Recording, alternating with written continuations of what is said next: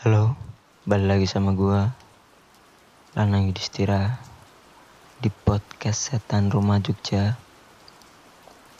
Dan kali ini adalah part ketujuh. Pada episode kemarin gue udah cerita masalah gue yang dihantui oleh setan di rumah yang gue tinggali selama 4 tahun. Dan dihantui waktu malam hari itu Kali ini gue bakalan cerita kelanjutan dari episode 6. Buat kalian yang belum dengerin, coba dengerin dari episode 1 biar kalian tahu best story dan gak bingung. Langsung aja gue mulai podcast setan rumah Jogja episode kedua Sebelum itu, intro dulu.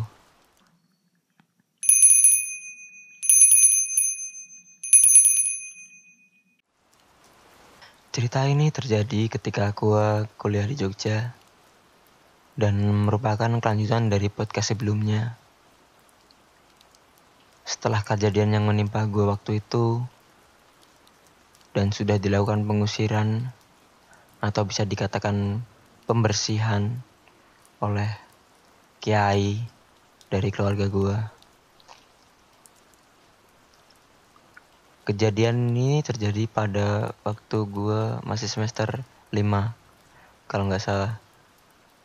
Waktu itu tahun 2016-2017an kalau nggak salah. Gue emang agak sedikit lupa. Jadi waktu itu gue udah tinggal sendiri di rumah dan yang gue tinggali semasa kuliah ini karena Bude sama Pak D juga sepupu gue memutuskan untuk pindah kontrak sendiri karena ada sebuah masalah pribadi. Jadi pertamanya agak nggak berani sih tinggal sendiri setelah dihantui setelah dihantui oleh hantu wanita waktu itu. Tapi mau gak mau, gue beraniin diri.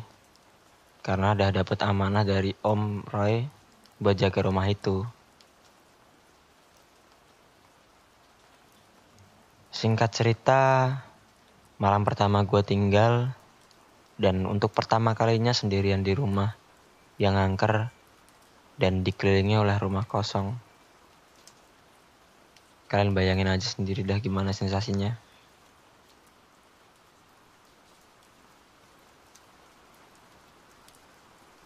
Jadi setelah orang rumah pada pindah, yaitu Pak De Bude dan sepupu udah gak ada di sana.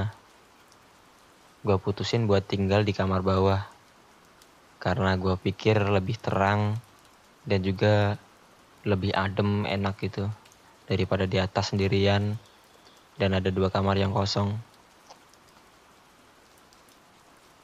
Gue pindahin lemari dan barang-barang gue ke bawah paginya sebelum Pak D dan Bude pergi. Biar ada yang bantuin gitu maksudnya.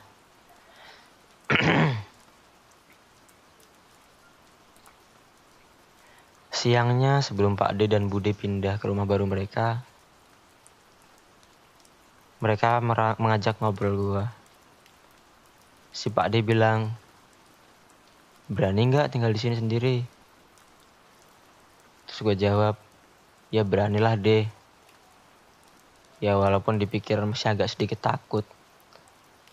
Terus Pak D jawab lagi, kalau gak berani, ntar malam biar temenin sama Randy aja. Tapi gue jawab, gak usah deh, berani kok sendirian. Setelah mereka meninggalkan rumah, memang ada rasa senang ketika akhirnya gue bisa tidur di kasur spring bed. Karena di kamar atas gue cuman pakai kasur lantai yang tipis banget. Setelah mereka meninggalkan rumah, memang ada rasa senang sih ketika akhirnya gue bisa tidur di kasur spring bed di bawah. Karena di kamar atas gue itu cuman pakai kasur lantai yang tipis banget sekitar 2 sentinan lah tebelnya itu. Dan akhirnya gue bisa merasakan kamar yang lebih luas adem juga punya meja kerja buat gue ngerjain tugas karena di kamar atas itu sempit banget atapnya bocor juga nggak ada tempat buat laptop. Setelah seharian berlalu malam itu pukul 9 karyawan penjaga toko om gua udah pada mau balik dan pada pamitan sama gua. Akhirnya gua pun sendirian dengan keheningan waktu malam itu cuma diiringi suara dari fan laptop. Malam itu gue mencoba untuk produktif dan dengan beraktivitas agar nggak terlalu sepi pikir gue. Gue play musik dan coba buat berpikir bikin skrip lah buat YouTube gue. Karena emang kebetulan gue baru beli LED strip yang belum gue review. Sambil buat script gue juga play musik untuk mengusir sepi. Dan gue juga buat kopi buat temenin gue biar sahdu malam itu. Pikir gue sih gitu.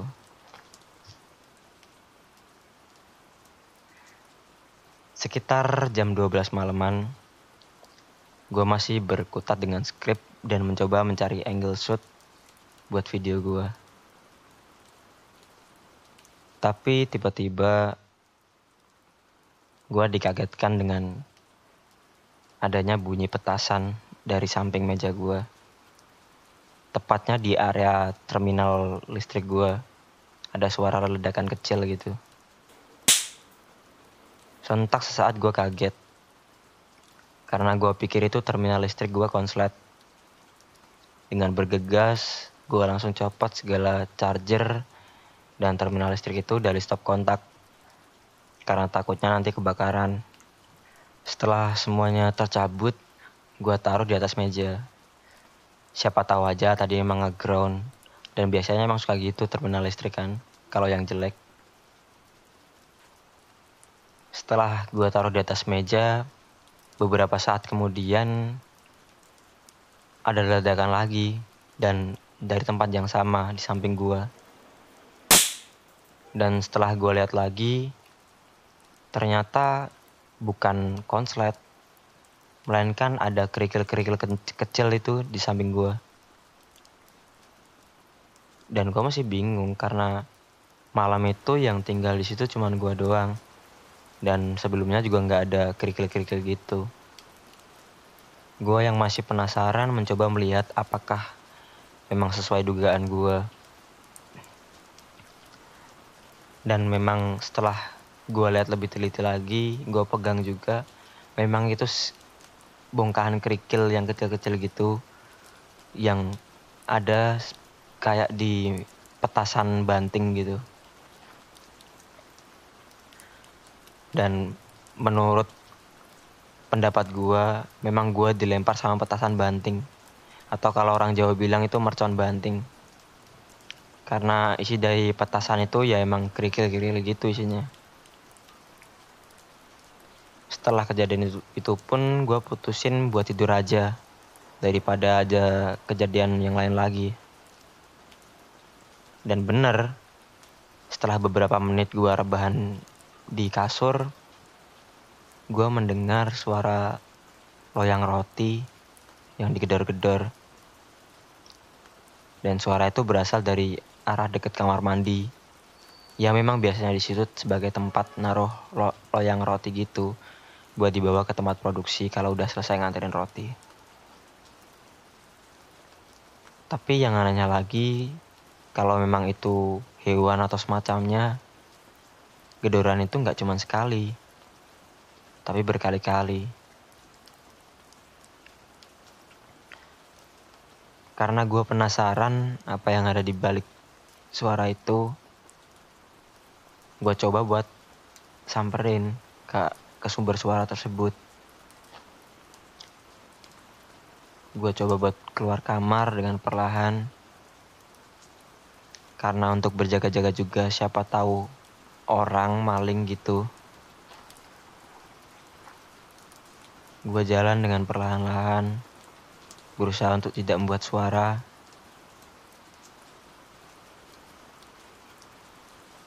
Gue coba intip dari depan kamar gue tapi yang gue lihat nggak ada. Bukan nggak ada suaranya. Tapi emang nggak ada loyang roti di sana. Kosong. Cuma ada karpet yang dilipat di situ gue makin heran. Dan juga makin merinding sesaat gue berpikir dan berbicara pada diri gue sendiri oke okay, mungkin ini memang perasaan gue doang mungkin ya bukan suara beneran. Tapi walaupun gue berusaha berpikir seperti itu namun bukti kerikil yang ada bukan perasaan gue doang. Dan emang gak mungkin itu perasaan gue doang karena emang gue pegang gue coba malam itu lupakan dan tidur. Malam selanjutnya gue ada udah ada niatan buat bikin konten tentang uh, skrip yang tadi malam gue tulis. Dan sekitar jam 10 malam ketika karyawan sudah pulang semuanya gue set up kamera juga lighting dan bersiap untuk syuting beberapa saat setelah gue opening menjelaskan sedikit tentang lampu LED yang gue review. Tiba-tiba gue mendengar ada suara orang anjlok di atas tepatnya di tempat jemuran.